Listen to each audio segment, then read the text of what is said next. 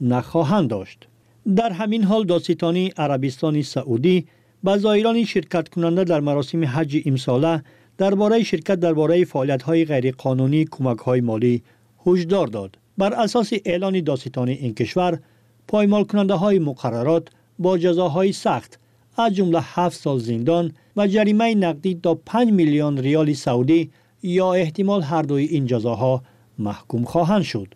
عربستان سعودی پیش از این نیز افرادی را که به اجازت نامه در مراسم حج اشتراک می کردند به پرداخت جریمه و حبس محکوم کرد اما جزاهای گذشته در مقایسه با قانون نو بسیار سبکتر بود. مراسم حج سال 2024 در نیمه دوم ماه ایون برگزار خواهد شد.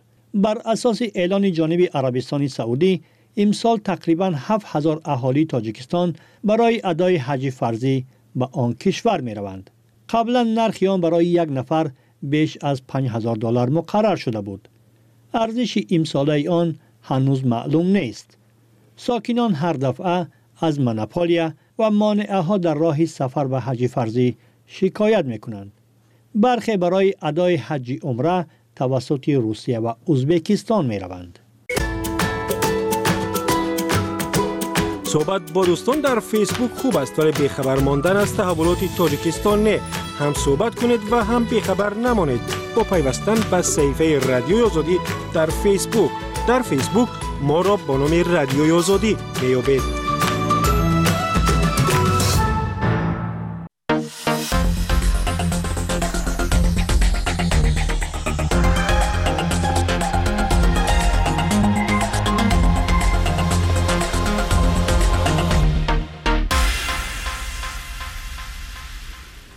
حاجی طلبان و حاجی زیارت و حاجی آشی و یا دعوت حاجی به خانه و زیافت دادن آن.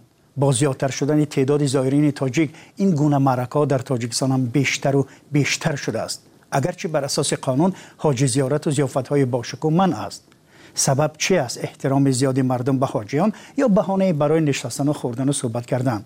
پایانداز و گلفشانی و زپی گاو و گوسفند و زیر پای حاجی چی معنی دارد؟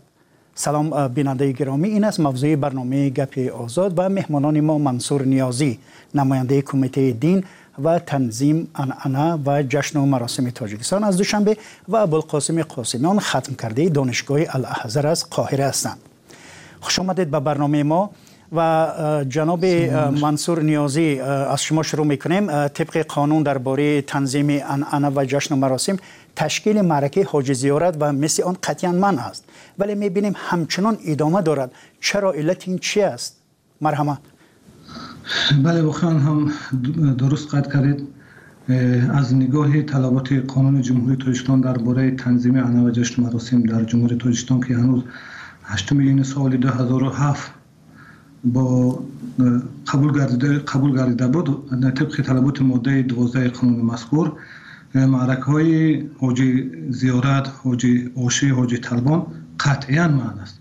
یعنی این با نظر داشت آن همچنین یک ماده قبول شد هنگام تهیه قانون مذکور که سالیان قبل از این قبل قانون مذکور یعنی که قبل سال 2007 نسل کانسول با خاطر داریم که در حقیقت هنگام گسیل و پیشواز حاجیان بسیار معرکه های پردبدبه ارسته می شد هم در دهود هم در شهرها.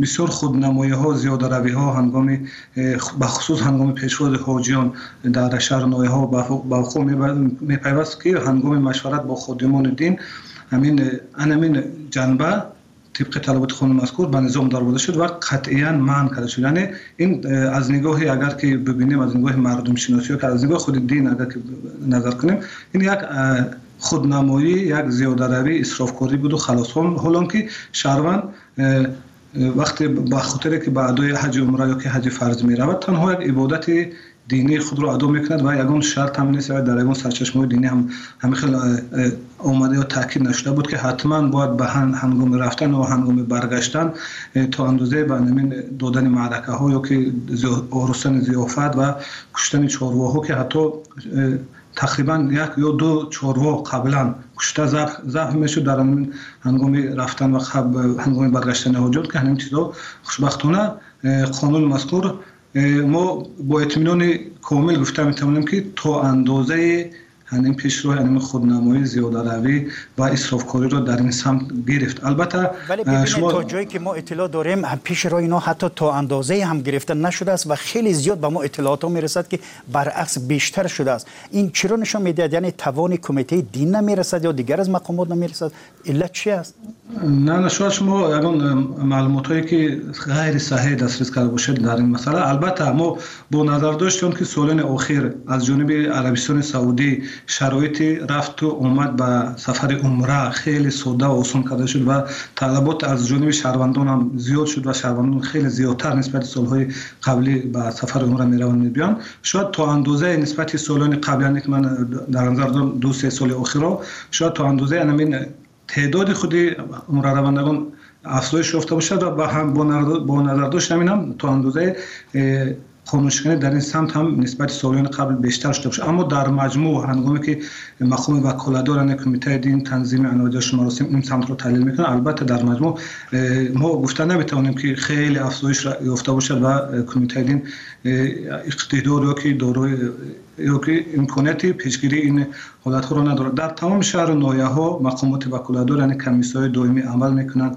و در حتی در جماعت ها مسئولین کمیسیون دائمی برای پیشگیری یعنی حالت ها علیه از جانب کمیته دین دستور گرفتن و هنگام هم قبل از سفر و هم هنگام برگشت برای پیشگیری حالت های مذکور همه چهارها رو میاندیشم. اما نو واسه از این من فکر می‌کنم که بیشتر از ندانیدن نفهمیدن ماهیت انمون سفری عمره بعض شهروندان و یا اینکه از انمون تعنای معلومات همسایگان دوستان خویشتواران اهل دیار به همین کار دست می‌زنند به خاموشی ببینید کار به جای کشیده شده است که به قبل یک همکاری شما یعنی از کمیته دین حالت هایی هست که ساکنان برای تشکیل مراسم ختنسور از مقامات اجازت می‌پرسند اما در از حاجی آشی یا حاجی طلبان برگزار می‌کنند. واقعا چنین است؟ ما همچنین حالت رو در تحلیل ها نانون بقید نگرفته من این حالت شاید نمی‌دونم شاید اگر حالت هایی باشد که هنوز به معلوماتش به مقامات و کادر نرسیده است این حالت رو ما تو هنوز یعنی دوام سال های سال 2023 جمع شد اگر حالت بچونین معنی یا که بچونین پوشیدن اما معرکه حاجی زیارت حاجی آشی ندیدیم که با گرفتن توصیه نامه همچنین و تمام شهروندانی که به حج عمره یا که حج فرض می روند در میان جمعه چی معلوم هستند حتی اگر که اگر که برای با گفت شما اگر که یگان حجت توصیه نامه که بعد دیگه نام میان مردم اگر که می‌دونن که او سفر حج رفت اومده البته مسئولین بخش دین هم در شهر نو می‌دونن که کی رفت که اومد و به همین خاطر برای او همچنین توصیه نامه نمیدن تشکر زیاد. محترم قاسمیان نظر شما به این سوال چی است؟ شما چی نظر دارید؟ انگیزه اصلی از چی منشأ می‌گیرد؟ مرحمت سلام بر شما و سلام بر مهمانتان. برادر نیازی. من این عادت در تمام دولت ها هست. تمام دولت هایی که مسلمان ها هستند حج میرن و بیان هست. همین عادت را می‌کنند یعنی خراجات می‌کنند دوستانشون رو فریاد می‌کنند تبرکن می آیند به زیارت دعوت می‌کنند به خانهشون. این خیلی بود است. من چند نفر از دوستان پرسیدم از اجنبی ها گفتن هست. در, در ما هم هست. باش باید باشد در همه دولت حتی در خود تاجیکستان هم. لیکن محدود باید باشد. نه به آن حدی که به اسراف یعنی این اسراف نامیده نمی‌شود. یعنی حاجی می رود حج می آید می خواهد که در این ماه خیر ماه رمضان باید خیر کند. این ماه سراپا همه خیر است. خیر کردنش هم اسراف نامیدن غلط است. چون اون برادر گفتن اسراف است. ما نباید اسراف بگوییم. از همه جهت ببینید شما در قاهره یعنی در پایتخت مصر زندگی می‌کنید. آیا برای حاجی در آنجا پس از بازگشت همچنین معرکه های میورن این عادت این عادت اصلا در شلاق جای ها بسیارتر فعال بوده است. من پرسیدم در خود قاهره کم است. می آیم نه به اون حدی که حاجی حاجی زیارت و زیافت برای حاجی مهمانی فریاد می‌کنند به خانهشون. یعنی خیلی و یا کم است در قاهره. گفتن که می دهند هدیه مانندی تسبیح جای نماز قرآن این خیلی چیزها. لیکن خرافات هست در همه جا. خرافات با قوه برده برده نمی‌شد خرافات از طرف مردمان جاهل بسیارتر ایجاد کرده می شود این, این خرافات را فقط تنها با راه دعوت علما می توانند حل کنند. ببینید در کشورهای عربی عنوان حاجی گفته به کسی مراجعه می‌کنن که کلان سال است به پیران سالان و یا از خود بزرگتر. و هیچ عنوان به قول افتخاری نیست. شما که در مصر هستید می‌توانید در این باره بیشتر بگویید.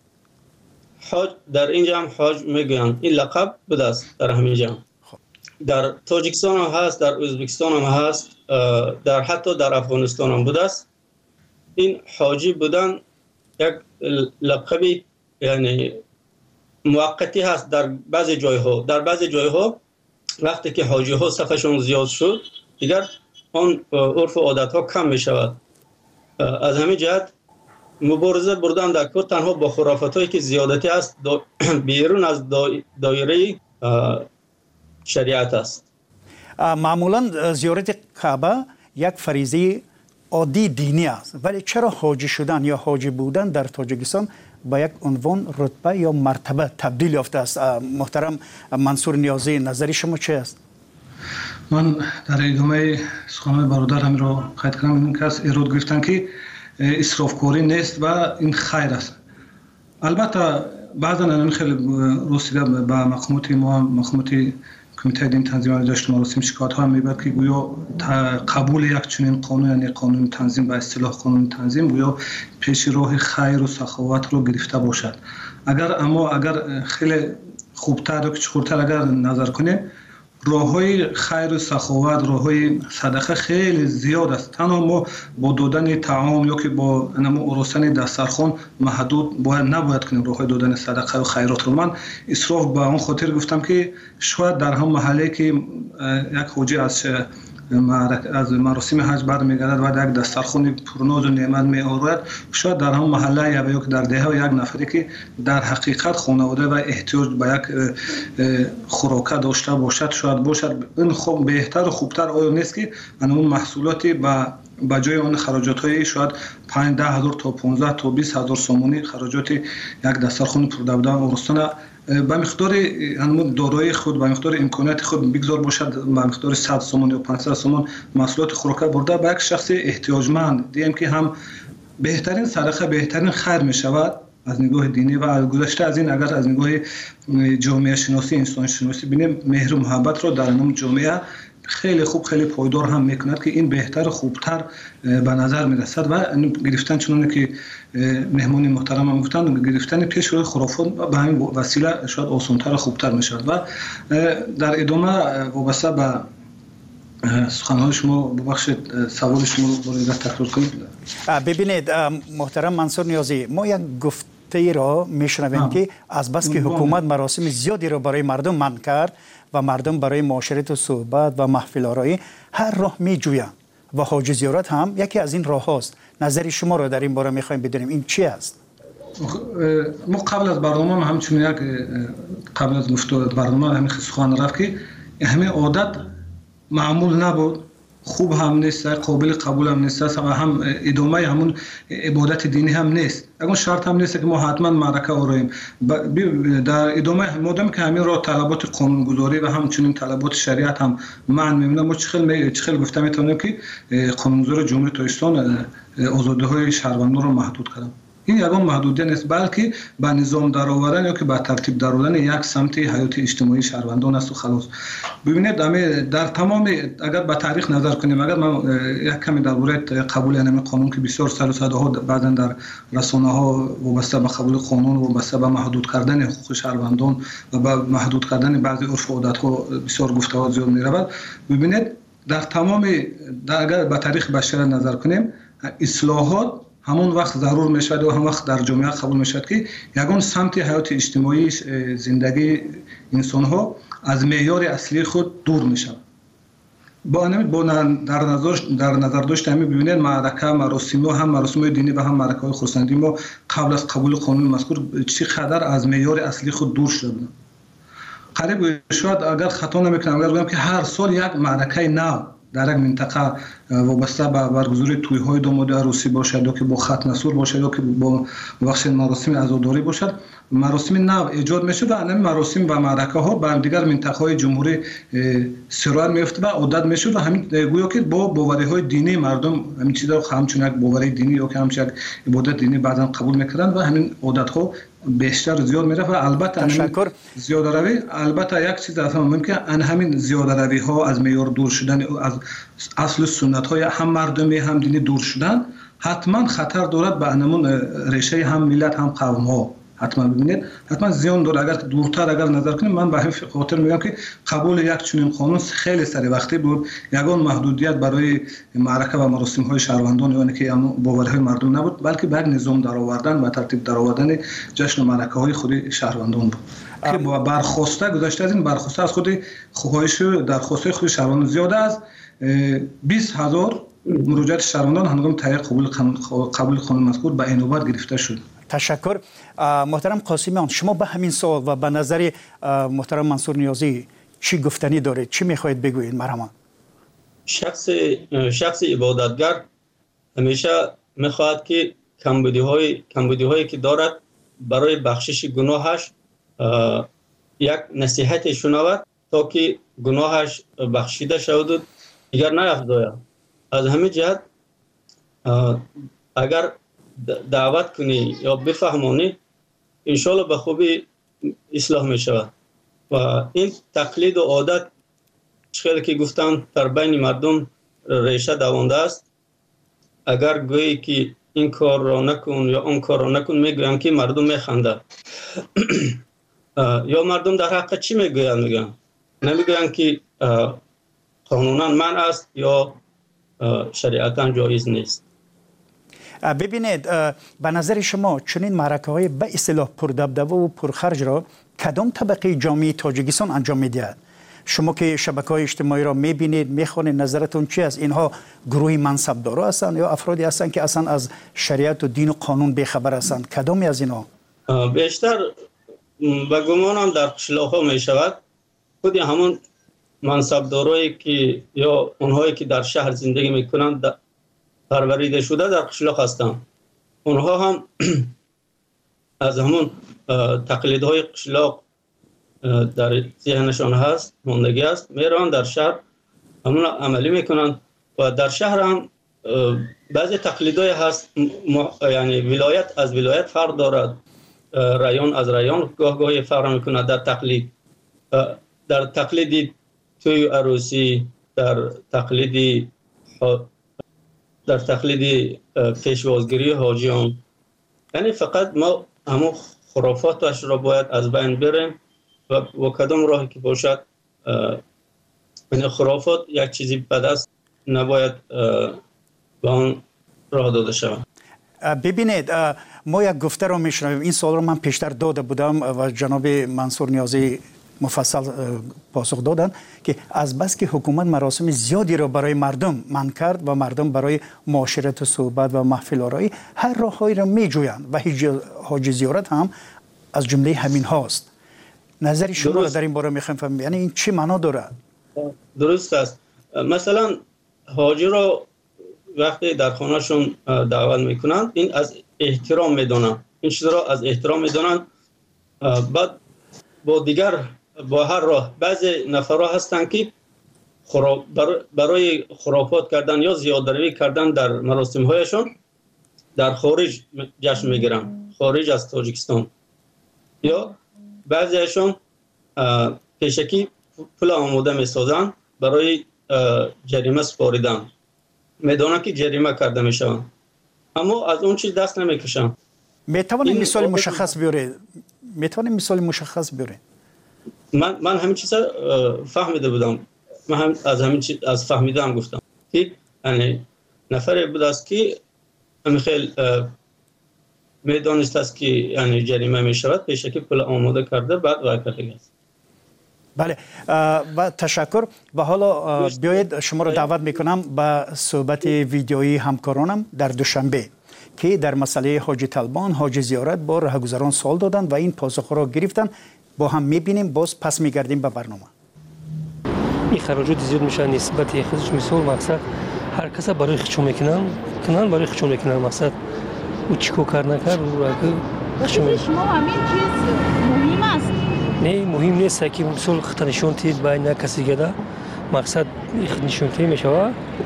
به خاطر که حاجی هر چی رفتن و برای خودش میرم مثل مقصد برای خودش می‌کنه درست نیست.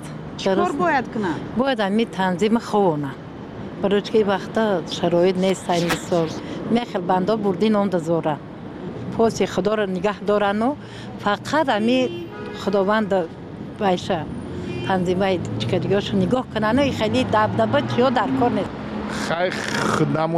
шуна намоиш метиҳанда яъне ки мо мақсад дорандаем. Ба ҳам хотир ман мехостам ки агар бисёр доранда бошанд ягон шахси камбизоат ягон дастнигара агар ёрӣ расонанд бо беҳтар мешавад медонам одамои пулдор мекунанд да? Одамои пулдор кадестанд ба фикри шумо ин чӣ метиҳад чӣ маънӣ дорад? Чӣ медонам? Бояд кунанд ихтиёр дар дасти бахтиёр акапа хай баракат биёахи به اختیار اکپا خیلی برکت بیو خیر میکنه سخاوت نظر ما همیه که همین را کمترک سس کننده که بعضی مثل شرایط نداره مثل بو میرن یا نورانوشون هم میوبان خشکر الحمدلله همین خیلی نمیدونم Я считаю, с точки зрения религии, это считается грехом, то есть исриф на таджикском. А с точки зрения традиции, я считаю тоже неправильно, потому что я думаю, лучше всего отметить это в кругу семьи, как-то встретить их. خب صحبت سررای همکارانم با ساکنان دوشنبه رو تماشا کردیم و محترم منصور نیازی نظر شما به گفتای این مردم چی است؟ مرحمه بله واقعا من روسیانمون دختره که با زبان روسی حتی صحبت کرد خیلی خیلی معجز خیلی خوب هم گفت که این کار قبول قابل قبول نیست.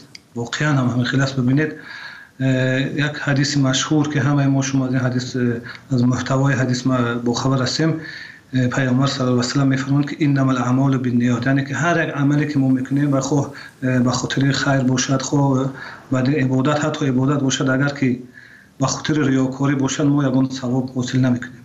تنها اون اون چیزی که در دل ما هست. در نیت اگر که وقتی من تحلیل های مفهوم وکالتدار رو وابسته به همین ساعت بوری دیگر رو درست می‌کنم. یعنی یک عامل شده نمی‌تواند تنها که یک یک قشر جامعه رو ما گناهگار کرده نمی‌توانیم که برای مثال شخصانی دا ثروتمند تنها به قانون شکنی دست می‌زنه یا شخصانی منصبدار یا که دیگر قشر جامعه عامل گوناگون می‌شود.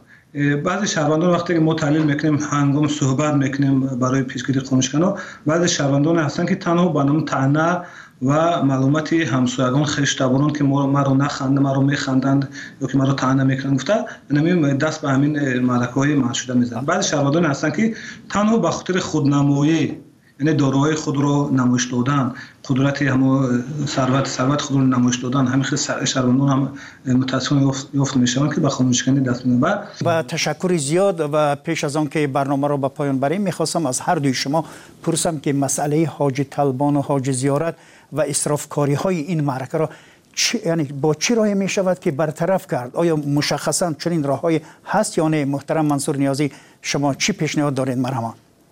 بله بله ما پیش از همه مهمترین نمو یک جز مهم همین پیشگیری همین حالت ها از بهطرفی همه شهروندان وابسته است. یعنی که ما در همه در همه حالت بهطرف نباشیم. بهطرفی با کدوم عملی که با کدوم عادت ها ظهور می‌بینه یعنی که ما وقتی حالت هم می‌بینیم که یک همسایه ما یک خش تبور ما یا که هم محله همدیار ما می‌خواهد همین خیلی قانون شکنی کنه که به همین عمل می‌خواد دست ند با دایره فهمش خود برای پیشگیری همین عامل همین عمل باید که یک اقدام کنیم. فهمونیم شروان که تو همین عمل تو بعدین هم وابسته نیست یا که به طلبات قانون زید است یا که عموما که برنامه با دارایی تو با داروهای اجتماعی توی این ضربه می‌کنه. گفتن با هر راهی که نباشه ما باید که به طرف نباشیم. فهمونیم شهروندان گذشته از این من چون قبلا هم گفتم اما عاملی که گفتیم یعنی بلند برداشتن معرفت حقوقی شهروندان. و گذشته از این پیش گرفتن پیشروهای خرافات زیاده روی ها از تمام قشرهای جامعه شروع کرده از همون مکتب باشه شروع کرده از جمعیت های یعنی شروع کرده از ده ها باشه از جماعت شرک ده ها باشه تا دانشگاه تا دیگه قشر جامعه باید باشد که همین همکاری که همدیگر فهمی در عملی کردن قانون تشکر. محترم قاسمیان نظر شما چی شما چی پیشنهاد دارید؟ به طور مشخص. به طور مشخص امین است که میتون اگر خاص حاجیان را در نظر داشته باشند خود حاجی در امور آیلش کلان است. او یعنی راهبر است. اهل خانوادهش گپ او را گوش می‌کند احترام می‌کند.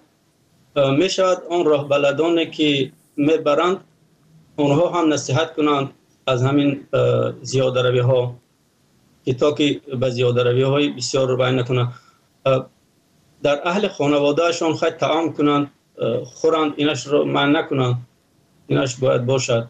و کتاب های مخصوص برای حاجیان ترتیب دهند تعلیف کنند و تقسیم کنند هر یک نفری که حاجی که پول میسپارد برای تذکره حج گرفتن بلیت حج خریدن اون کتاب در دستشون تقسیم کرده شود که اونها خوانند آداب حج کردن و تمام نازکی هایی که یعنی وابسته است در همه باره همین کتاب ها باید وای کرده شود چون که تفقه تفقه قبل ان تحجو یعنی این گفتاری از صحابه کرام است که حضرت عمر رضی الله عنه گفتن یعنی باید شما معلومات دار شوید با فهم باشید پیش از آن که شما حج کنید. باید منزلت حج را هم باید دانند تنها سرسرکی حج رفته نبیون. باید قیمتش را هم دانند تشکر. و بینندگان گرامی به آخر برنامه رسیدیم در همینجا مهمانان ما منصور نیازی نماینده کمیته دین و ابوالقاسم قاسمیان ختم کرده دانشگاه الاحزار از قاهره بودند. بینندگان گرامی اگر شما هم نظری درباره این مسئله دارید لطفا زیر برنامه بنویسید و من مرزا نبی خالقزاد بودم برنامه را پیش می بردم تا دیدار در برنامه دیگر. خداحافظ.